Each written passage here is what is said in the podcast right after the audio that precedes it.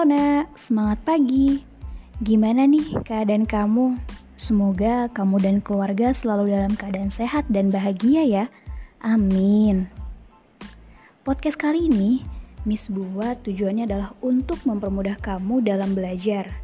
Karena selama ini kita kan belajar melalui Google Classroom, melalui video interaktif yang telah Miss bagikan, isi materi yang telah Miss bagikan baik itu PowerPoint, modul, dan kuis atau games. Nah, kali ini kita akan mencoba gaya belajar model baru yaitu menggunakan podcast. Jadi, bagi anak-anak bis yang selama ini senang banget dengerin musik di Spotify, kamu bisa banget cari episodenya sesuai materi kita. Tinggal klik dan search lalu akan muncul. Dan kamu bisa belajar di mana pun, kapan pun, dan dalam situasi apa pun. Podcast ini bertujuan menghadirkan sumber belajar alternatif karena banyak banget nih sumber belajar yang bisa kamu gunakan selama kamu di rumah. Tujuannya adalah supaya kamu semakin enjoy dan menikmati pembelajaran dari rumah.